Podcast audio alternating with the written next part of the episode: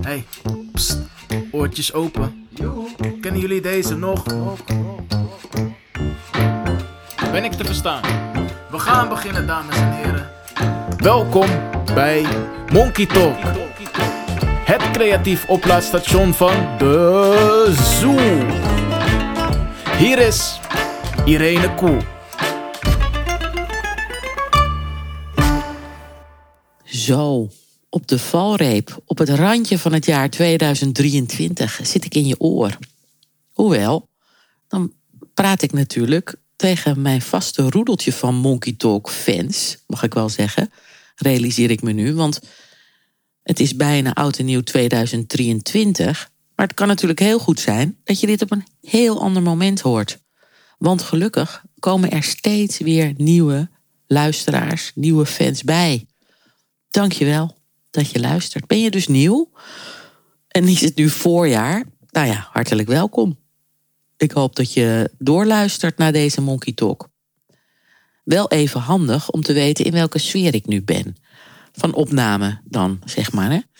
Misschien ken je dat wel, zo'n weemoedige terugkijk- en vooruitblik sfeer. Zo van, waar gaan we in het nieuwe jaar naartoe? Moet. Ik zit natuurlijk ook in mijn winterslaap, dus dat helpt daar ook lekker aan mee. Dus uh, ik hoop dat je lekker meewandelt. Zo wakker je je creativiteit aan. En uh, dat is, zoals jullie weten, dat nou zo langzamerhand wel, hoop ik. Dat is wat ik probeer te doen met Monkey Talk. Wat heb ik deze keer voor je in petto? Een mooi filosofisch gesprek over de toekomst. Beetje passend bij deze tijd.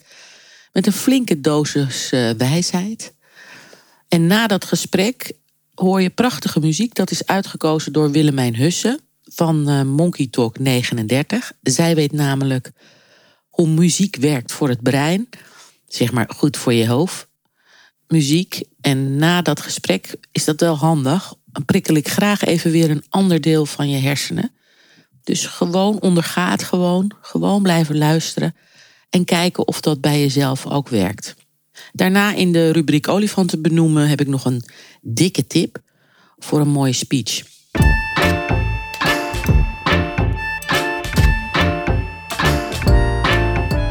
Goed, de vooraper van dienst is Roland van der Vorst. Hij was al eens eerder in Monkey Talk, nummer 15, al een tijdje geleden, over nieuwsgierigheid.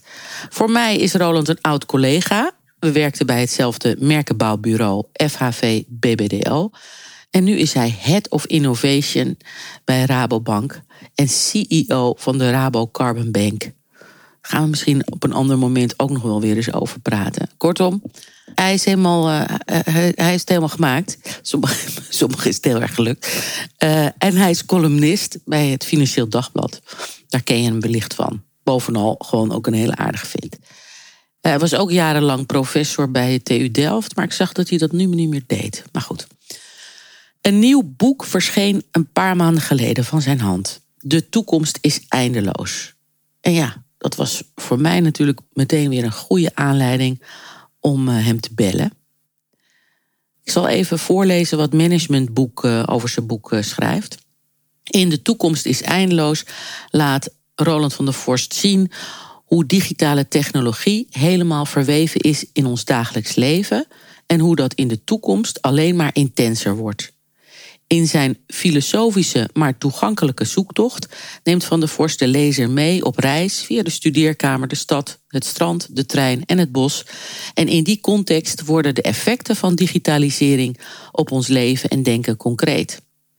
Van der Vorst schrijft stijlvol tegen het literaire aan en biedt een hoopvol perspectief om beter te navigeren in een wereld die alsmaar digitaliseert. Nou, en de quote van de Volkskrant die aan, het boek, uh, die aan Roland werd gegeven is natuurlijk heel lekker. Want zij zeggen, een van de meest invloedrijke Nederlanders voor de toekomst. Nou, wauw, dat zal maar over je gezegd worden. Kortom, een echte voorraper. En daarom is Roland van der Vorst... Dames en heren, voorraper aan de phone! Nou, Roland, wat leuk dat je weer in uh, Monkey Talk verschijnt. Dankjewel voor de uitnodiging. Er is ook een reden. Want je hebt een, uh, een eindeloos boek geschreven. Ja. De toekomst is eindeloos, heet het. Ja.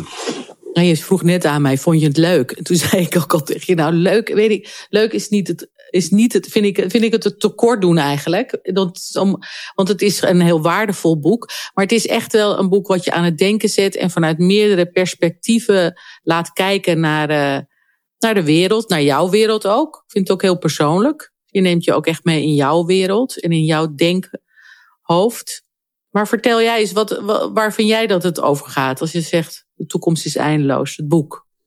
Nou, ja, ja grote vraag, veel te grote vraag. Eigenlijk, nou, eigenlijk gaat het over verlossing, denk ik. Maar dat, daar hebben we straks Uh, en de zoektocht naar verlossing. Ik denk dat uiteindelijk dat het thema van het boek is. Maar dat, dat zijn heel weinig. De, A, daar moet je het boek helemaal voor uitlezen om tot die conclusie te komen. En er zijn misschien ook weinige. Heeft iedereen diezelfde conclusie? Dat hoeft ook nee, niet. Nee, er zijn heel weinig mensen die dat erin lezen. Dus, nee. Maar dat lees ik er vooral in. Ja. Uh, uh, maar we kijken, het boek is eigenlijk opgebouwd uit, uh, uit drie delen. Het eerste deel gaat eigenlijk over uh, de vraag waardoor ik gefascineerd was en nog steeds ben, is namelijk de invloed van technologie op ons denken. He, dus je zou kunnen zeggen dat het schrift, het boek, heeft ons eigenlijk volgordelijker laten denken. He, we moesten een zin maken van begin naar eind, waardoor onze hersens getraind werden om volgordelijk en structureel en logischer na te gaan denken. Nou, Marshall McLuhan, een bekende mediawetenschapper, die zegt eigenlijk ja, de steden, moderne steden, waren niet mogelijk geweest als we geen schrift hadden gehad. Want die hebben ook een bepaalde volgordelijke opbouw en logische opbouw. Nou, dus dat denken is eigenlijk logisch geworden. Toen kwamen de massamedia, televisie, radio, et cetera. En die hebben ons eigenlijk tribaler gemaakt. Dus daar zijn we eigenlijk een soort stammen geworden. Meer in beelden, meer in de onderbuik. Nou, Um, dat is en vervolgens heb ik mezelf de vraag gesteld: wat doet digitalisering nou met ons denken? En we zijn nu twintig jaar ongeveer gewend geraakt aan digitalisering. Dus het is een mooie tijd om de pijlstok er eens in te zetten en te zeggen: wat heeft het met ons gedaan? Nou, mijn conclusie is eigenlijk, en dat is dus het eerste deel van het boek. Mijn conclusie is: wat digitalisering doet, is ze haalt het einde uit ons denken. Nou, wat bedoel ik daarmee? Dat betekent in de manier waarop wij tijd ervaren, verhalen vertellen, de fysieke ruimte vormgeven, conflicten uitvoeren, producten maken. Daar, hebben daar snijden we het einde uit onder invloed van digitalisering. Een voorbeeld te noemen. Kijk, mijn horloge is gewoon een. Uh, ik heb nog een ouderwets horloge. Met een wijzerplaat. Wat met een wijzerplaat. En wat die doet is, die markeert eigenlijk de tijd. Die laat zien wanneer iets begint en wanneer iets eindigt. Um, en um, als je dat vergelijkt met de smartwatch, wat die eigenlijk doet, is die uh, wijst ons op de volgende afspraak, het doel wat we moeten halen, de stappen die we moeten zetten, de afspraken die we moeten nakomen. Dus wat die eigenlijk doet, is een heel ander idee van tijd geven. Daar waar het klassieke horloge zegt, we begrenzen de tijd, er is een begin en een eind, doet die smartwatch eigenlijk een voortzetting van de tijd. Waarbij de klassieke horloge zegt, tijd is eigenlijk iets van afgeronde momenten. Zegt de smartwatch, tijd is eigenlijk een aaneenschakeling van opgerekte momenten, waar geen einde aan komt. Nou, dat is met tijd zo, zo ook met verhalen vertellen. dus het nou klassieke boek is A, uh, begin je en B je uit. Of uh, lees je uit. Uh, maar ook massamedia, het journaal begint en eindigt. Een spelshow begint en eindigt. Ze zijn opgebouwd vanuit het uitzendschema. Zegt eigenlijk wanneer iets begint en wanneer iets eindigt. Nou, vergelijk dat met een stream of post die je krijgt via social media. En daar komt geen einde aan. Het is eigenlijk een eindeloze stroom aan berichten. Nou, de manier waarop wij verhalen consumeren is dus eigenlijk eindelozer geworden. Maar ook hoe we het zelf vertellen. Ik vind een mooi voorbeeld uh, om te zien wie er nou voor en wie er na uh, social media is opgegroeid. Dus als ik een appje krijg, ja. nou ja, of als ik een appje schrijf, laat ik het anders zeggen. Ja. Ik ben nog uh, echt van. Ik schrijf nog een appje van het begin naar een eind. Ja. En dat vind ik ook niet erg het groot is. Je zegt soms ook nog hallo en de naam misschien wel. Of goedemorgen. Dat is, ja, dat doe ik allemaal. Al die fouten. Maar wat, wat de meeste appjes krijg van vrienden zijn korte statements. Kort achter elkaar. Pam, pam, pam, pam, pam, pam, pam, pam. En het is niet dat er geen verband zit tussen die men, de berichten, maar er zit geen kop en geen staart aan. Dus ook in de manier waarop we verhalen vertellen, halen we het einde eigenlijk eruit. Nou, Dat geldt ook voor de manier waarop we fysieke ruimte gaan uh, ervaren. Nou, de winkel, de goede floorplan. Ik bedoel, jouw vak, oude vak, hè, retail. Je had een floorplan. Nou, wat het uitzendschema is voor media, is het floorplan eigenlijk voor een winkel. Je, je had het begin van de winkel, het einde van de winkel. Je werd eigenlijk keurig langs de schappige... Ja, het vlekkenplan. Vlekkenplan, precies. Nou, en bij e-commerce is dat heel anders. Je hebt meerdere ingangen. Je kunt erin en je kunt eruit. Uh, als je iets besteld hebt, dan ben je nog niet klaar. Want dan krijg je een mail. Dan, krijg je suggesties over wat ja, je en dan moet je zeggen hoe je het vond. En daarna een suggestie. En na een, een maand krijg je, volgens mij is het nu op. Moet je ja. niet iets nieuws bestellen? Je, je, je zit, je, ja. zit, je zit, voor je het weet, heb je met iedereen een enorme relatie. Precies. Precies. En dus het is een eindeloze stroom. Nou, dat geldt ook voor de fysieke ruimte. Nu, ik kom hier nu net aan. Ik, ben, ik zit in een hotel in Nederland ergens. Um, en dan gebruik ik mijn uh, Google Maps. Dus dan, die hele reis is eigenlijk georiënteerd op de bestemming. Dus ik, zorg, ik kijk eigenlijk niet meer naar de tussen. Ik kijk gewoon naar de bestemming. Dat is hoe digitalisering nu onze fysieke ruimte... En hij zegt dan nu ook, het is niet druk. Zegt hij dan. Ja, precies. Hij zegt niet ja. Um, als de metaverse ooit gaat gebeuren, en die kans is toch wel groot, dan krijgen wij straks een, uh, een, een, bril of wat, dan ook voor onze neus. En dan zul je zien dat de hele fysieke ruimte wordt ingericht zoals het internet nu is ingericht. Met andere woorden, talloze poortjes waar je in kunt gaan en waar je uit kunt gaan. Dus daar waar de digitalisering ons, ons nu van een begin naar een eindbestemming brengt, zal het straks eigenlijk een soort oneindig gangenstelsel voorschotelen voor onze ogen. Waar we eigenlijk uh, voortdurend in kunnen blijven dwalen. Nou, dus ook de fysieke ruimte, daar wordt het einde uitgesneden. Ten slotte ook het producten. Ja, ik kan nog uren over doorgaan, maar bijvoorbeeld ook bij producten. Dus heel duidelijk, een fysiek product uh, wordt gemaakt in een fabriek. En gaat eruit en dan ben je klaar. Het is een eind, niet voor niks dat we het een eindproduct noemen. Nou, digitale diensten zijn eigenlijk nooit klaar. Daar zit altijd wel een permanent beta op. Daar komt een nieuwe software update op. Of, dus die is eigenlijk voortdurend in ontwikkeling. Als je nu een Tesla koopt, dan is dat, dat ding is nooit af. Door software updates kan het ding ineens veel meer of minder. Nou, dus ook in de manier waarop we producten, producten maken. Dus overal wordt het einde uitgehaald, uh, iedereen. Dat is gewoon, dat is de, het grote grote. En dat heb je eigenlijk op verschillende momenten ervaren. Want je hebt ook op verschillende ja. momenten geschreven daarover. Ja, ik heb het. Ja, kijk. Dat dus, vond ik dus, wel heel erg leuk, omdat je dan elke keer ook weer een ander. Of je voelde ja. die kleur er ook wel in. Want de ene keer was, nou, je in Noorden, was je in Noorwegen geweest en je bent in een bos gewandeld. En dan zat je weer in New York. Niet, niet om zo blasé van kijk eens waar die allemaal was, maar het was meer omdat je dan de context ook meenam in ja. wat je ervan vond. Ja, dat heb ik gedaan. Omdat ik. Uh, nee, dat was helemaal niet. Want, want ik, ik, uh, over het algemeen waren de bestemmingen vrij uh, bescheiden. Ja. Nee, het ging me met name om. Kijk, eigenlijk is het boek. Als je dan toch een ander thema in het boek wil aanraken. gaat het ook over de directe ervaring. Wat bedoel ik daarmee? De, door digitalisering wordt veel van onze ervaring gemedieerd. Met andere woorden, daar komt iets tussen te zitten. We worden afgeschermd door een scherm of een bril, whatever. En ik probeer eigenlijk ook te pleiten voor de directe ervaring. Namens de ervaring die niet gemedieerd wordt door technologie. En toen ik dat dacht, is ik kan daar alleen maar over schrijven als ik die directe ervaring zelf ook beschrijf. Dus ik hou altijd van boeken waar de vorm en de inhoud uh, op elkaar zijn afgestemd. En dat heb ik ook geprobeerd hier te doen. Dus je, je volgt mij echt als ik op het strand loop. En dan probeer ik me voor te stellen wat de essentie van digitalisering is. En hoe zich dat verhoudt tot het strand of het bos. Er is één hoofdstuk gaat over de romantiek. Ja. En het verschil tussen uh, de emotiegeleide smartphone gebruiker en de romanticus. Nou is het heel lekker als je dan in de natuur loopt. Want romantici hadden een grote uh, hang naar de natuur. Dus zo probeer ik inderdaad de directe omgeving mee te nemen. En ook te beschrijven tegelijkertijd uh, wat er aan de hand is in de wereld. Je zou het boek ook nog kunnen lezen als gewoon een. Dat wordt ook, krijg ik ook wel terug, als een manier om te begrijpen wat er om je heen aan de hand is. Ja, om te um, duiden wat er aan de hand is. Ja, ja dat begrijp ik wel. Ja, ja. ja. Dus, uh, nou, maar goed, dat is, het één, dat is één pijler van het boek. Dat gaat over die eind, en daarom ook de toekomst is eindeloos. En ik beschrijf ook vormen van eindeloosheid dus bijvoorbeeld mateloosheid, dus een eindeloosheid van emoties, maar ook wat ik noem successiviteit. Dus dat we in plaats van naar een ideaal reiken, dat we eigenlijk alleen maar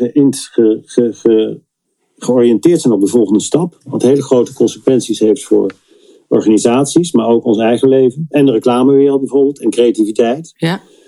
Dus ik beschrijf vormen van, veel, van, van, van uh, oneindigheid. Want daar nog even op terughakend. Ja. Van wat is dat dan? Wat, uh, want je zegt ook over hoe we dat in organisaties doen. Dat hele, is dat korte termijn denken, dat we het stapje voor stapje. Ja, als je, als je het persoonlijk maakt, als je kijkt naar de impact van digitalisering op ons. Wat ik eigenlijk doe, is ik analyseer, en dan wordt het wat ingewikkeld, maar ik beschrijf het volgens mij vrij simpel. Is ik probeer eigenlijk die eindeloosheid te vangen in de conceptuele structuren die we gebruiken. En we gebruiken allemaal concepten. Uh, en, en die hebben bepaalde structuren. Nou, één daarvan is dat je in plaats van dat je heel erg georiënteerd bent op een ideaal ver in de toekomst, leren wij uh, in ons hoofd ons te oriënteren op de volgende stap. Nou, je ziet dat met hele kleine dingen is de volgende stap in mijn privéleven is de volgende post. De volgende suggestie waar je achteraan moet lopen. En waar we steeds meer moeite mee hebben is het ongemak dat ontstaat uh, door te reiken naar een ideaal wat wat verder ligt. Ik neem een voorbeeld. En dat, dat, dat beïnvloedt niet alleen maar mij als persoon. Nee, maar ik word steeds ook, meer korte termijnachtig. Maar ook organisaties. Ja, en, het, Uh, dus als je nu kijkt. en ook ja, landen dus heb, misschien wel, die op zoek zijn landen. naar een wat langere visie. Misschien wat duurzamere, langere visie. Waar we ons aan vast kunnen houden. Of waar niet, niet vasthouden, want dat is volgens mij niet de bedoeling. Maar meer. Dat, je, dat zeg je heel goed. Ja, ja, nee, dat je daar naartoe kan reiken. Want je gaat er natuurlijk altijd meanderend naartoe. Om vervolgens die kleine stapjes daar naartoe te zetten. Wat meer een, een soort lonkend perspectief. Dat je een soort hoopvol perspectief uh, nodig hebt. Nou, kijk, ik noem het voorbeeld van Apple, vind ik heel mooi. Want dat het altijd in de reclame gebruikt wordt. En Apple, Apple was altijd toen ik in de reclame zat, uh, wat is het, 15 jaar geleden. Is het zo lang geleden? ja, het is zo lang geleden. Ja, zo lang geleden. Toen was Apple het voorbeeld, hè? Dus uh, waar iedereen naar keek. Met die, uh, dat, en, de, de Einstein, met de brave ones. Here's to the crazy ja, ones. Ja, dus de crazy ja, ones en ja. whatever. Ja. Nou, kijk, wat Steve Jobs natuurlijk goed deed, is hij richtte dat hele bedrijf naar het ideaal van de creatieve individu. Dus is eigenlijk, joh, als je, wij, waar zijn wij voor? Wij zijn uh, het creatieve individu. En met al onze producten uh, proberen we die te ondersteunen of te empoweren, ook zo'n woord uit die tijd. Dus alles wat hij deed was logisch terug te voeren op het idee dat wij mensen willen, dat wij het creatieve individu uh, meer macht willen geven. En toen kwam, uh, en als je ziet wat Apple nu doet, ze, hebben een, ze gaan in medische producten, hè, daar zitten zij ze mee bezig. Ze hebben een, een, een smartwatch en zitten zelfs in zijn auto's, experimenten. Maar dan vraag je je af, wat hebben medische producten met het creatieve individu te maken? Nou, helemaal niks. Dus als je een Tim Cook vraagt, de huidige baas van Apple, waarom zitten jullie in medische producten? Dan zegt hij eigenlijk, ja, we hadden de, we hadden, we hadden de watch, de, de, we hebben de smartwatch en daarmee krijgen we steeds meer data. En op basis van die data kunnen we misschien ook andere dingen doen. Dus wat het doet is eigenlijk, uh, hij zegt letterlijk, we are pulling that string where it gets us. Dus met andere woorden, wij, wij, we, kijken, wel, we kijk, kijken wel wat het wordt. Stapje voor stapje. stapje. Wij oriënteren ons niet op dat ideaal, verder weg, maar we oriënteren ons op uh, de volgende stap. En waarom kunnen we dat? Omdat we sterk datagericht zijn. Dus we kijken naar wat voor soort data we krijgen. Op basis van die data doen we nieuwe dingen. Nou, eigenlijk alle digitale bedrijven, veel digitale bedrijven hebben zich op die manier ontwikkeld. Hè? Dus WeChat, de super-app, precies hetzelfde. Zijn maar het is natuurlijk ook soort... wel logisch als je niet zo goed weet wat de toekomst uh, gaat brengen ja. en eindeloos is. Is het ook wel goed dat je dan denkt, nou, kieken wat het wordt. We zien het wel. En dan hoop je ja. inderdaad wel dat je een goed moreel kompas hebt. Daar hoop je dan op dat ze dat dan hebben. Um, en he, dat er wel een soort van, want je moet dan wel een soort van beslissing nemen nou, dat het nog voordeel... klopt. Of een identiteit waarvan je zegt, nou dat past heel goed bij ons. Weet ik niet. Ja, maar die, voor, die, die, die, het grappige is dat dat hele idee van identiteit steeds, ook steeds veel diffuser wordt. Daar ga ik later in een boek op in. Kijk, maar je kunt zeggen dat pragmatisme, dat, ik noem dat aanmodderen. Ik zie dus een ja. enorme aanmodderwereld. Hè? Dus een aanmodderwereld uh, uh, van bedrijven, maar ook het pragmatisme van veel politici. Die eigenlijk niet verder kijken dan een uh, neus lang is. En dus eigenlijk van stap van stap zich ontwikkelen. Dat, dat voordeel is, je bent heel flexibel. Het nadeel is alleen, als je de wereld heel onzeker wordt, ja, dan, dan ontstaat er ongemak. Je bent ontzettend afhankelijk van het succes van je volgende stap. Terwijl als jij in staat bent om wel degelijk een ideaal of een perspectief te bieden, dan ben je minder afhankelijk van het succes van je volgende stap. Waarom niet? Omdat mensen nog iets anders hebben om zich aan vast te houden. Dus ik denk dat in zo'n onzekerheid, een onzekere wereld, dat je er niet mee komt door alleen maar pragmatisch aan te rommelen. Helemaal ook niet, en dat is eigenlijk het tweede thema van mijn boek, is het lijkt natuurlijk geweldig dat het einde eruit gesneden is. Want je zou kunnen zeggen dat is mooi, dat maakt ons flexibel. En we hebben allemaal mogelijkheden en ik kan worden wat ik wil. Uh, ik heb heel is. veel opties. Ja, maar dat Ja. zo zeggen, ik heb via Tinder heb ik eh, duizenden dates, eh, opties en zo. Maar het interessante wat er gebeurt is die openheid is eigenlijk een vorm van fixatie. Dat is eigenlijk de tweede stelling van mijn boek, is dat die eindeloosheid is eigenlijk een eindeloze vorm van fixatie. Ik zal je een paar voorbeelden geven. Nou, Tinder, dat is een goed voorbeeld. Hè? Dus een van die vormen van eindeloosheid is ook wat ik noem veelvuldigheid. Dat betekent dat je een identiteit kunt hebben die alle kanten op gaat. We kennen allemaal het voorbeeld van die film Her, uit die film Her waarschijnlijk, waarin je de persoonlijke assistent hebt. Ja, die, daar wordt hij verliefd op. wordt hij verliefd op. En dat is een hele mooie scène eh, waarin hij op een gegeven moment vraagt: Goh, ben je ook verliefd op anderen? Zo. En dan zegt ze ja, en dan eh, zegt hij: eh, Oh, wauw. Of praat je ook met anderen? Ja. En, dan- en dan vraagt hij: Met hoeveel dan? En dan zegt ze, geloof ik, 80.000 of zo, weet ik veel. En dan zie je hem kijken en dan denk je echt: Oh, wacht even, ik dacht dat wij een band hadden. En dan vraagt hij vervolgens. Praat je op dit moment ook nog met anderen? En dan zegt ze ja, en met hoeveel? En dat zijn er dan 20.000 of zo. Nou, wat ik er zo interessant aan vind, is dat we zijn eigenlijk allemaal ook in zekere zin steeds meer die digitale assistent. Wij hebben ook al die verschillende identiteiten. Dus ik heb nu een identiteit hier, namelijk als iemand die een boek heeft geschreven. Ik eh, heb hier zo een eh, congres en dan ben ik de man van de Rabobank die eh, over innovatie iets zegt. Ik, ik heb een LinkedIn-identiteit. Ik heb een, als ik een gamer zou zijn, een Ja, of FIFA-identiteit. een eh, een- padelgroepje mannen. ding. Exact. Dus Ja. je bent eigenlijk zelf een waaier aan identiteiten geworden. Nou, je zou kunnen zeggen, dat is, eh daar is niks mis mee. Want je laat dat gewoon zijn. Het grote probleem is alleen dat hoe meer wij kunnen, hoe meer we ons gaan fixeren. Dus hoe, eh, hoe meer ik kan worden, hoe meer ik mezelf de vraag ga stellen: ja, maar hoe ben, wie ben ik nou eigenlijk? Ja. En ben ik wel authentiek? En eh, dat is de vraag die ik ook krijg. Goh, je doet zoveel, maar wat doe je dan eigenlijk? En voor je het weet gaan mensen heel hard op zoek naar die authentieke, ja, al die cursussen en coaches. Die gaan allemaal zeggen, wat ben ik nou van binnen en wie ben ik nou authentiek en zo. En voor je het weet wordt dat weer een soort fixatie. En het probleem is dan niet zozeer die veelvuldigheid, maar het probleem is dat je je fixeert. Kijk, als ik een eh, vriendin of vrouw eh, heb en eh, daar heb ik een heel groot ideaalbeeld bij. Ja, dan wordt het verrekte lastig als die vrouw gaat veranderen. Dus dan zou je kunnen zeggen, is die verandering nou een probleem of is die fixatie een probleem? Ik geef je nog een voorbeeld.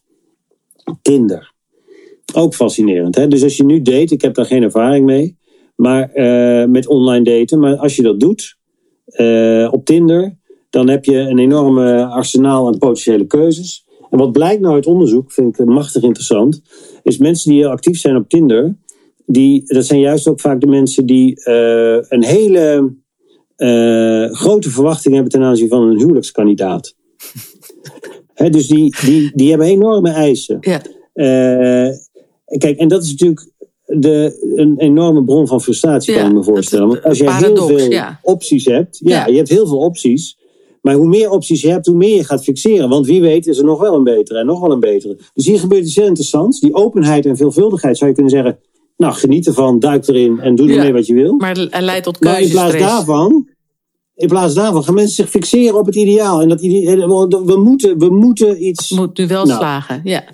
Ander voorbeeld, laatste voorbeeld, wat ik ook zo fascinerend vind, social media. We praten heel veel over polarisering.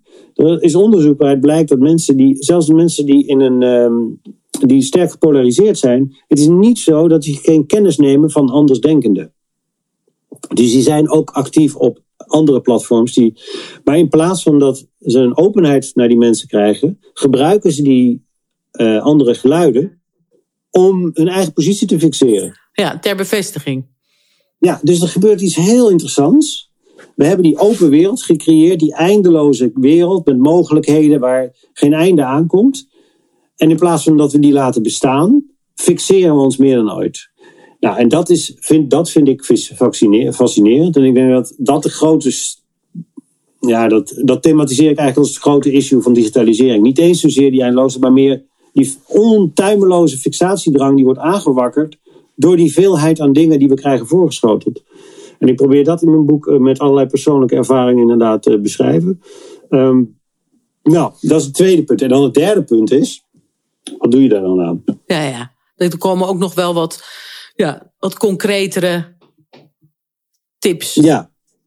Ja, nou, nou laat ik beginnen bij, bij nou ja, die komen er zeker, hè, maar uh, laat beginnen bij uh, waar ik mijn inspiratie uit haal. En ik denk dat mijn inspiratie haal ik uit de Oosterse filosofie. Dus dat is uh, vooral het Zen-boeddhisme en de twee stromingen die daar aan ten grondslag hebben gelegen, Taoïsme en het Boeddhisme. En dat is een heel mooi begrip in, uh, in Sanskriet. Het heet Anyata, uh, Anitya, sorry. En dat wil zeggen, uh, de wereld is onbestendig. Die zegt eigenlijk de onbestendig, ja, dat betekent ook de onbestendigheid van de wereld. alles is voortdurend verandering, zeggen de boeddhisten zeggen dat ook. Hè? Taoïsten zeggen dat ook, wie wij. Dus alles is voortdurend in verandering. Nou, je hoeft geen raketgeleerde te zijn om dat te zien. Maar dat op zichzelf hoeft helemaal geen probleem te zijn. Uh, maar op het moment dat je probeert die werkelijkheid te fixeren, bijvoorbeeld in een concept, door daar woorden aan te geven, dan kan die werkelijkheid die zo verandert fundamenteel problematisch worden. Dus op het moment dat ik zeg: Goh, Irene, je bent de Nobelprijswinnares. Dus ik plak iets op jou, een concept. En je hoeft maar één verkeerde opmerking te maken en ik ben teleurgesteld in je. Ja. Nou, dus de hele teleurstelling. Uh, dus die, uh, laat staan dat je nog eens een keer zelf heel erg verandert. Ja. Dus de, en wat ik interessant vind van die filosofische stroming is dat ze eigenlijk, en ook uh, spirituele stromingen, is dat ze eigenlijk zeggen: de oplossing ligt niet zozeer, die, die ligt eigenlijk in het feit dat je je fixaties onder overkomt. En dus leert je minder te fixeren. En dat kan op allerlei manieren. Dat kan, uh, ik doe dat door meditatie, maar uh, het kan ook beginnen bij het simpele idee dat je alles minder doelgericht maakt. Hè? Dus dat je minder. Kijk, het is interessant, dus zelfs, zelfs um, uh, meditatie moet tegenwoordig een doel hebben. ja. Ja, je lacht erom, ja. maar dat is heel interessant. Ja. Ja, dus terwijl het hele idee nou, in ieder geval vanuit juist zen-boeddhisme is, juist, ja. De, ja, het idee is nou juist dat ja. dat... Hè, dus er staat ook bijvoorbeeld meditatie met effect. vind ik echt heel fascinerend. Fantastisch. Westers ja. ook. Ja. ja. Dus, uh, maar ook als je de sportschool ingaat, dan word je meteen, je wordt, je moet, wordt meteen opgemeten. En, uh, en de digitale technologie maakt dingen meetbaar. Dat is een heel mooi concept, uh, of een heel mooi idee van Helmoet Rosa, een socioloog. En die heeft het over parametrische optimalisatie, een ingewikkeld woord. Maar wat hij eigenlijk zegt is, op het moment dat je iets kunt meten, ben je geneigd ook om het te gaan verbeteren. Ik vind dat een heel mooi gegeven. Dat is precies wat er gebeurt op het moment dat je dus ja, een bodyscan is doet. wel en zo. Ja. Je gaat het verbeteren, dus je gaat zelf doelen stellen. Ja. En voor je het weet heb je niet meer de lol van rennen. Maar ben je aan het fixeren op het doel dat je moet behalen. Ja, en alles wordt heel. Ik heb dan zo'n Fit 20-achtig programma, weet je wel, waar je dan helemaal in twee minuten één ding. Ja. En dan met, Ja. met een heel scherm voor je. En dan moet je helemaal tussen, Ja. tussen dingen blijven. Ja. Er is totaal niks aan natuurlijk. Hè? Het heeft niets meer te maken met eh, plezier of met eh, goed Of voor je lijf zorgen. Of eh, een beetje. de- je, Of flow, Ja. of, of, of, of, of. En ehm, ik, ik heb niks tegen doelen, alleen eh, Nee. die, zijn, die heb je ook nodig. Alleen het gaat mij om dat alles bijvoorbeeld doelgericht moet worden. Eh, of in ieder geval met een, een doel moet worden gedaan. En dat, is, een- dat is een vorm van fixatie die ik denk, dat is de dood in de pot. Want daarmee wordt die wereld, die veranderlijke wereld waar we in zitten, wordt alleen maar problematischer. nou, ehm, zeker als je niet weet waar het naartoe gaat, is het natuurlijk fijn. Maar dat weten we niet. Nee, daarom. Dus het is fijn als je dat niet weten kan omarmen en gewoon kan zijn. Exact, En eh, dat is het. het doel, dat doelgerichte loslaten. Eh, maar dat haal je dus heel erg uit, die, uit nou ja, de, de, de filosofische Ja. oplossingen en meditatie. Ja. Wandelen in de natuur vond ik ook wel heel mooi. Dat je daar dan, dat je dan de ervaring hebt van één zijn met de natuur. En eh, wat natuurlijk, of wat natuurlijk, wat, wat ik hoop dat veel mensen eh, mogen ervaren. Omdat je daarmee dan ook wat nederiger wordt. Dat je onderdeel bent. Dat je maar een klein Ja, stukje bent van iets veel groters. Ja. Maar dat is, uh, ja, dus daar zitten, daar zitten de oplossingen om om te kunnen gaan met die digitale. Want laten we wel zijn, het is een feit. Ja. Hè? Ik bedoel, dit Ja. is, uh, dit is wat er aan de hand is en dat gaat ook niet meer weg. Dus dat, Nee. uh, daar, daar, het is meer van hoe je je ertoe gaat verhouden. Ja. Ja. En hoe je Ja. ermee om leert gaan. En hoe je ook kinderen ermee om leert gaan, denk ik. Dat dat ook wel Ja. belangrijk is. We zijn natuurlijk net, want je zei net 15. We zijn misschien 20 jaar er nu mee bezig, 25 jaar. Dus we zitten natuurlijk in de, in de babytijd, hè. Van over, Precies. over, over 50 of over 60 jaar denken ze de mensen. Ach god, die mensen die zaten ook de hele tijd nog. Die zaten de hele tijd op dat scherm. Ja. Want, want dat vonden ze zo leuk. Was zo nieuw voor ze. Ja. Was zo nieuw. Was ook wel schattig, hè. Hoe ze dan de hele tijd. Dus gingen ze mensen zoeken, gingen ze mensen zoeken. Moet je je voorstellen, gingen ze mensen zoeken om van te houden, gingen ze zo swipen. Gingen ze dan doen. Terwijl de buurman, de buurman misschien wel net zo leuk was. Nou, daar praten ze niet tegen. Want die was een beetje te dik of zo, of wat. Oh ja, die, die voldeed inderdaad niet aan verwachtingen. Dus, Ja. eh, nee, dus dat is even heel kort waar het boek over gaat. Ja, En dat- en dan- heel en dan kort nog- inderdaad. Ja. Nou ja, en dan nog heel veel, wat je zegt, er zitten heel veel uitloopjes in naar, eh, naar eh, inderdaad zen-boeddhisme, maar eh, nou ja, je moet het maar lezen. Ja, ja, nee, zeker eh, gedaan. En, en voor nieuwsgierige mensen is het een, is het een, eh, is het een haute cuisine? Is het, eh, is het gewoon heel lekker eten? Wel fysiek het boek kopen, zou mijn advies zijn. Want ik had hem Ja, dus ik- ook op mijn Kobe digitaal. En dan, dan ben je alweer heel doelgericht aan het lezen. Want dan zegt hij eh, van eh, nog, nog vier uur, nog drie uur. Ja. En dan zegt Ja. hij nog zoveel bladzijden. En als ik het Ja. lettertje groter maak, wordt ook ineens het aantal bladzijden Ja, groot. Nou, ga ik helemaal eh, hoogademend. ja. Nou, wat je niet moet doen is hoogademend dit boek lezen. Want het is iets wat je ook af en toe weglegt. Dus ik vind het ook wel voor de wintermaanden echt toptijd om het nu uit te brengen. Want dan voor de wintermaanden ook. Want het is ook wel iets wat je kan blijven lezen. Dus ik vind het best wel iets wat je een paar keer kan lezen. Net als goede wijn, weet je. Om hem, om hem even, om er even over na te kunnen denken. Om het goed te laten indalen. En daarbij, want, en waarom zou je dat dan moeten doen? Want dat, dat vraagt misschien iemand die dit nu luistert. Van, het klinkt wel als heel veel werk. Het is niet werk, want het gaat ook over jezelf een beetje uitlaten. En, en om je, je hersenen een beetje uit te laten. Dat zeg ik altijd in de wat Monkey Talk moet doen. Dat iedereen dat even moet lezen. Dat je uit je bubbeltje komt en je realiseert wat gebeurt er nou in deze digitale tijd. En hoe verhoud Ja. ik mij daartoe? En, Ja. en welke dingen heb ik ook? Misschien herken je ook dingen die jij hebt besch- beschreven. eh, of juist Ja. helemaal niet. Ja. Ik her- Dank je. ik- nou, fijn. Ja, ik, wat ik jou vertelde al, het is het eerste boek wat ik geschreven heb, wat ik zelf nog teruglees. ja. Al die andere boeken die ik heb gelezen, die heb ik nooit meer gelezen nadat ik ze had uitgebracht. En je krijgt er ook heel veel emotionele reacties op. Dat, was, dat is Ja. ook voor jou nieuw. Omdat wat Ja. ook anders Ja. is dan die, jouw vorige boeken, die waren misschien. Er zit veel meer van jouzelf ook in. En het is, Ja. eh, er zitten veel meer persoonlijkere eh, stukken in. Ook, eh, Ja. en, en dus dat, is, ja, dat maakt het ook heel lekker leesbaar. Dat mis- Ja. dat, dus, maar je krijgt daar dus ook reacties op van mensen die dat. Ja, dat is echt, echt. Ja, mensen die een traantje hebben weggepinkt. Kijk, er zitten ook bepaalde elementen in waarin ik. ik zei, het gaat ook over verlossing. Ehm, dus mensen die bijvoorbeeld ervaring hebben met meditatie, eh, die zullen in de inleiding en in het laatste hoofdstuk heel veel herkennen.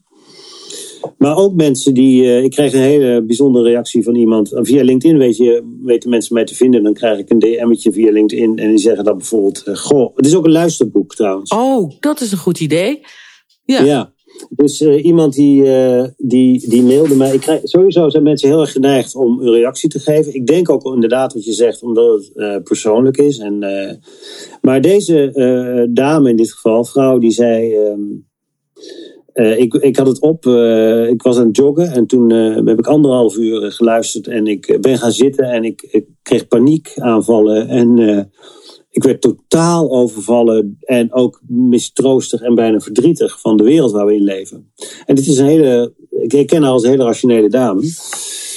Dus eh, nou, dat heb ik nooit bij andere boeken gehad. Eh, dus ik heb haar vooral aange... ja, Dus je hebt er ook een, er moet nu een zelf, zelfhulpboek bij, een zelfhulpboek of iets. Je meditaties moet je eigenlijk, je moet een meditatie-cd met meditaties. Ja, ja, ja. Nee, maar ik heb, maar ik heb wel. ehm, ik heb in ieder geval aangemoedigd om even door te lezen. Ja. Want het, mijn, mijn uitgever, Het komt goed. dus ik heb een, ik heb een, literair agent en die heeft, het, eh, die heeft het voor mij, eh, die heeft uitgevers benaderd. En er waren een aantal uitgevers geïnteresseerd. En er was één uitgever die kwam naar me toe en die zei: Ik wil dit boek uitgeven. Want, eh, en dat is uiteindelijk ook de uitgever geworden. Want het is eh, verontrustend en hoopgevend tegelijk. Kijk, En toen dacht ik: Deze meneer heeft het begrepen. ja. En dat is belangrijk. Om zo Ja. iemand dan. eh, en, en, Ja. en, en, en hoort bij dat hoopgevendheid ook creativiteit? Kan dat ook een rol spelen bij. Want dat is natuurlijk waar wij het hier altijd over hebben. Ja, kijk, zeker, zeker. Kijk, je zou het boek ook kunnen zien als een pleidooi voor een open geest. Eh, wat, wat is, kijk, wat is, kijk, voor creativiteit is een open geest onontbeerlijk. Hè? Ja. Dus heb je een. Dus, maar de vraag is, wat is dat, een open geest? En ik denk dat een open geest een geest is die eh, eh, zich niet fixeert. Eh, die dus in staat is om de dingen te laten binnenkomen. Ik reis veel met de trein. Ehm, en je moet je voorstellen dat als je in de trein zit en naar buiten kijkt. En je, je kijkt over een, land, over een weiland heen. dan je ogen fixeren zich eigenlijk een beetje eh, op de verte. Dus je ziet een boerderij of je ziet een, ziet een paard of eh, een boom. En wat je doet is je fixeert eigenlijk voortdurend. Hè? Maar dan gaat die trein op een gegeven moment eh, de stad in. Of die gaat een dicht be- be- be- bebost weiland in. En dan kun je je eigenlijk niet meer fixeren. Want dan word je knettergek. Dus automatisch eh, schakelt die blik zich over van een, centrale blik naar een perifere blik. En wat is die perifere blik? Nou, je kent het allemaal wel. Je zit in de trein. Op een gegeven moment zie je eigenlijk alleen nog maar patronen. Je ziet eigenlijk heel veel tegelijkertijd. Nou, en onze geest kan ook zo werken. Je zou kunnen zeggen dat wat digitalisering doet, is die fixeert je op die koe.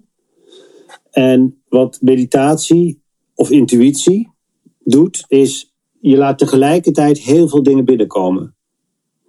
Nou, ik denk dat die perifere blik, je zou kunnen zeggen perifere geest, is eigenlijk een geest die je ook nodig hebt om te kunnen creëren. En je trainen in die perifere geest, een geest die niet fixeert. Meditatie is één, maar nogmaals, intuïtie is een ander goed voorbeeld. Hè? Dus als je, als je bewust je intuïtie laat spreken, dan iedereen die dat doet, weet wat, in wat voor staat hij zichzelf kan brengen. Wat je dan doet, is dan doe je, je fixeert je dan even niet. En je kijkt gewoon wat er gebeurt en je, en je, je gaat hoogstens in op datgene wat op dat moment je invalt. Ja. Gaat ook Wat heel veel erg doen. over overgave. Dat Oh, je, nou, maar dat is, dat dat is, je dat is sorry? Dat is, ja, maar de spijker op zijn kop. Kijk, een aantal van die er- ervaringen die ik in het boek beschrijf zijn in feite. De, de inleiding gaat eigenlijk over overgave. Dus dat zeg je heel goed. ja, Dus voor een creatief iemand is eh, digitalisering enerzijds een zegen. Maar het heeft eh, tegelijkertijd. eh, kijk, want tegelijkertijd moet je als creatief oppassen dat je. Wordt het nog belangrijker voor een creatief om die fixaties onder ogen te zien.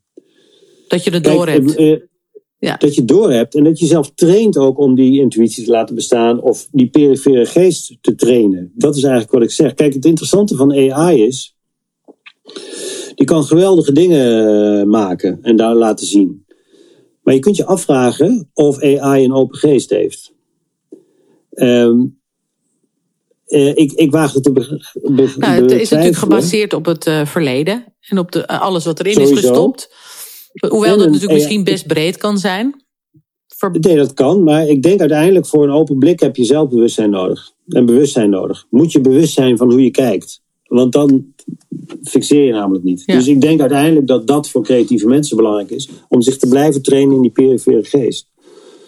Ehm, dus het mooie van ehm, technologie is niet alleen dat we het gebruiken en dat we er leuke dingen mee doen. Maar het wijst zich ook op dingen die potentieel verloren kunnen gaan. En die we dus weer kunnen trainen. Kijk, En de ook waar het, kwam. en wijst het zich, als je er zo naar kijkt, wijst het zich ook op waar het eh, ons onderscheidt. Hè? Wat ons uniek Heel, maakt. Kijk, kijk, het paradox, weer een paradox. De computer begint eigenlijk steeds meer op, een, op de mens te lijken. Want gebruikt nieuwe dingen, kan creatief zijn. Maar de mens begint eigenlijk steeds meer op een computer te lijken. Doordat we in voortdurende stap voor stap denken. Hè, dat is het hele punt van die eindeloze fixatie. En de kunst is om dat weer te reclaimen als mensheid. En te zeggen, waar zijn wij nou goed in? Nou, en ik denk dat dat daarin zit. Dat zit in zelfbewustzijn, bewustzijn, in een bepaalde vorm van creativiteit, die geaard is in ervaringen, in ons lichaam, want dat heeft de computer niet. Ja. Mooi, hè?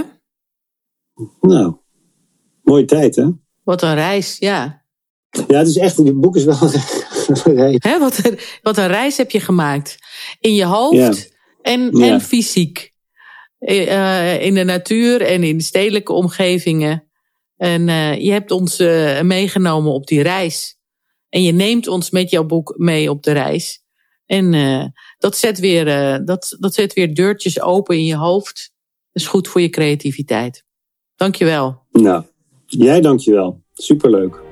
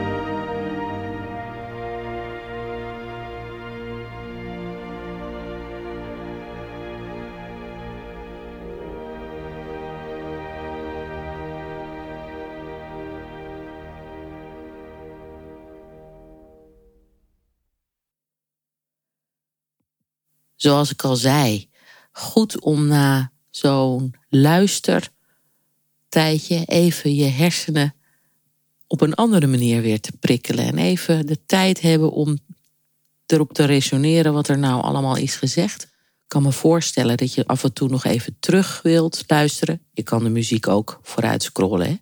Het is in ieder geval mooie muziek van Edward Elgar. Variations on an Original Theme.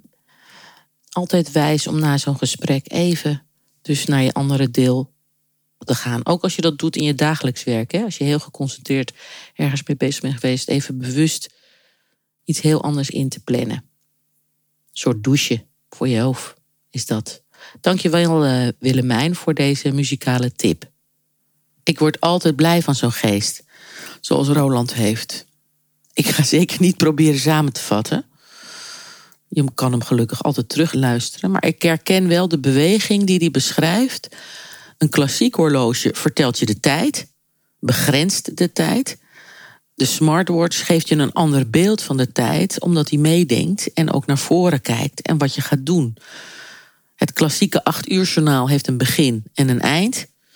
Maar met social media is er een stroom van nieuwsfeiten, wat maar continu en continu doorgaat.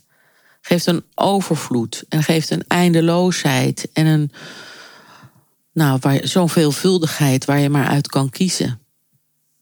We hebben een open wereld gecreëerd en dat roept dus fixatie op. En dat is nou precies waar Roland van zegt niet doen. In die veelvuldigheid van aanbod juist niet veel fixeren. Maar eigenlijk meer erboven gaan hangen om dan te bekijken wat er nodig is. Dus de oplossingen voor deze tijd vond ik ook zo mooi. Dat Roland die ziet in filosofische stromingen, heeft hij zich ook enorm in verdiept, is ook boeddhist. In uh, die Oosterse spirituele wijsheden. Hoe bijzonder eigenlijk, hè? Dat veel oplossingen dan toch worden aangedragen uit oude stromingen van wijsheden. Dat je daar dan toch weer oplossingen verzint. Dat is eigenlijk ook alweer tijdloos dat, dat je naar achteren kan springen van wijsheden van heel lang. Dat, dat bewijst eigenlijk hoe tijdloos wijsheid dan ook is. Je perifere blik trainen, oftewel je blik van buiten, erboven gaan hangen. Even jezelf uit de wedstrijd halen. Misschien uit je hoofd en meer vanuit je hart, brein en buikbrein de boel bekijken en voelen wat er nodig is. En gelukkig daar woont creativiteit ook. Hoe fijn is dat? En hoe fijn om te horen dat creativiteit zo belangrijk is. En je talent en je intuïtie. Om dat te blijven trainen. En dat dat zo kan helpen in deze digitale wereld. En in deze wereld überhaupt. Om je staande te houden. Nou, als dat niet een leuke nieuwjaarsboodschap is, dan weet ik het niet meer. Hé, hey, kijk, een olifant. Olifanten benoemen. Jeroen die belde mij. En die zei: Jij hebt toch altijd zo'n leuk gedicht. wat je kan gebruiken in speeches. voor uh, wat zo typisch goed past bij eindjaar. Dat is altijd handig, hè? Opdrachtgevers die uh, dan eh, iets van een klok en een klepel en dan gaan bellen. Nou ja hoor, inderdaad Jeroen, die heb ik. En die wil ik jullie graag ook weer eens meegeven. Volgens mij heb ik hem al een keertje gedaan ergens bij Monkey Talk. Maar goed, na 66 afleveringen mag je af en toe wel eens een, een goede klassieker uh, aanhalen. En dit is wel uh, eentje die je gewoon goed kan doen als je je team gaat toespreken voor het nieuwe jaar. Of zo direct in het nieuwe jaar. Dat je eventjes iedereen een, uh, een ja, die is niet een hart, even aan wil moedigen. Belangrijk hè, als leider ook. Het is, ik drink op de mensen. Nou, iedereen de, de vaste roedel schiet nu in de lach. Die, doe maar lekker mee. Ga maar even kijken of je hem hardop ook kent. Ik drink op de mensen die bergen verzetten. Die door blijven gaan met hun kop in de wind. Ik drink op de mensen die met vallen en opstaan blijven geloven met de geloof van een kind. Ik drink op de mensen die dingen beginnen waar niemand van weet wat de afloop zal zijn. Ik drink op de mensen van wagen en winnen die niet willen weten van water in wijn. Ik drink op de mensen die blijven vertrouwen, die van tevoren niet vragen voor hoeveel en waarom, Ik drink op de mensen die door blijven douwen. Van doe het maar wel en kijk maar niet om. Ik drink op de mensen die alles verloren, die weg zijn gezakt en zijn ondergegaan. Ik drink op de mensen die terug bleven vechten en daarna herboren weer op zijn gestaan. Ik drink op het beste van vandaag en van morgen. Ik drink op het mooiste waar ik van hou. Ik drink op het maximum wat er nog in zit. In vandaag en in morgen, in mij en in jou.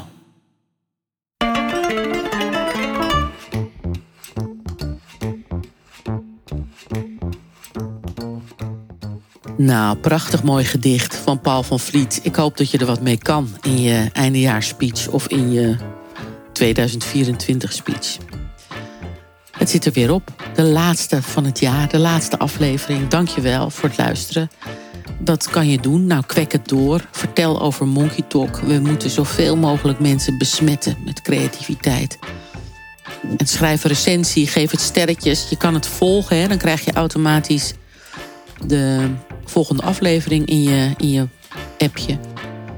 Heb je nou een olifant in de kamer staan? Stuur dan een mail. Kijk maar even in de show notes hoe dat moet. Er is ook een enquête eh, over Monkey Talk. Heel fijn als je die even invult, want dan krijg ik goede feedback. En dat helpt me weer voor, uh, voor volgend jaar. Nou, ik wens je natuurlijk een hele fijne jaarwisseling. Verder nog huiswerk? Nee. Even lekker niets. Gewoon niks doen. Ik wil jullie vooral bedanken voor dit jaar. Voor het luisteren. Voor de enthousiaste reacties. Voor de tips. Voor de vragen. Dank ook aan alle voorapers die gewoon mee wilden werken. Onze mooie gesprekken. Dat geeft mij enorme zin om door te gaan. Heb een goede jaarwisseling. En vooral een prachtig, mooi, gezond, liefdevol en creatief 2024. Dag, dag. Tot volgend jaar. En? Opgeladen? Uitgedaagd? Ondersteboven voorgeaapt? Zorg maar goed voor je creativiteit. Want de wereld heeft je nodig. Dus hup, aan de gang en verras. Wees origineel waar het juist niet kan. Maak verschil en heb vooral plezier en dan... Dan zien we je de volgende keer graag weer hier bij Monkey Talk, het creatief oplaadstation van de Zoom.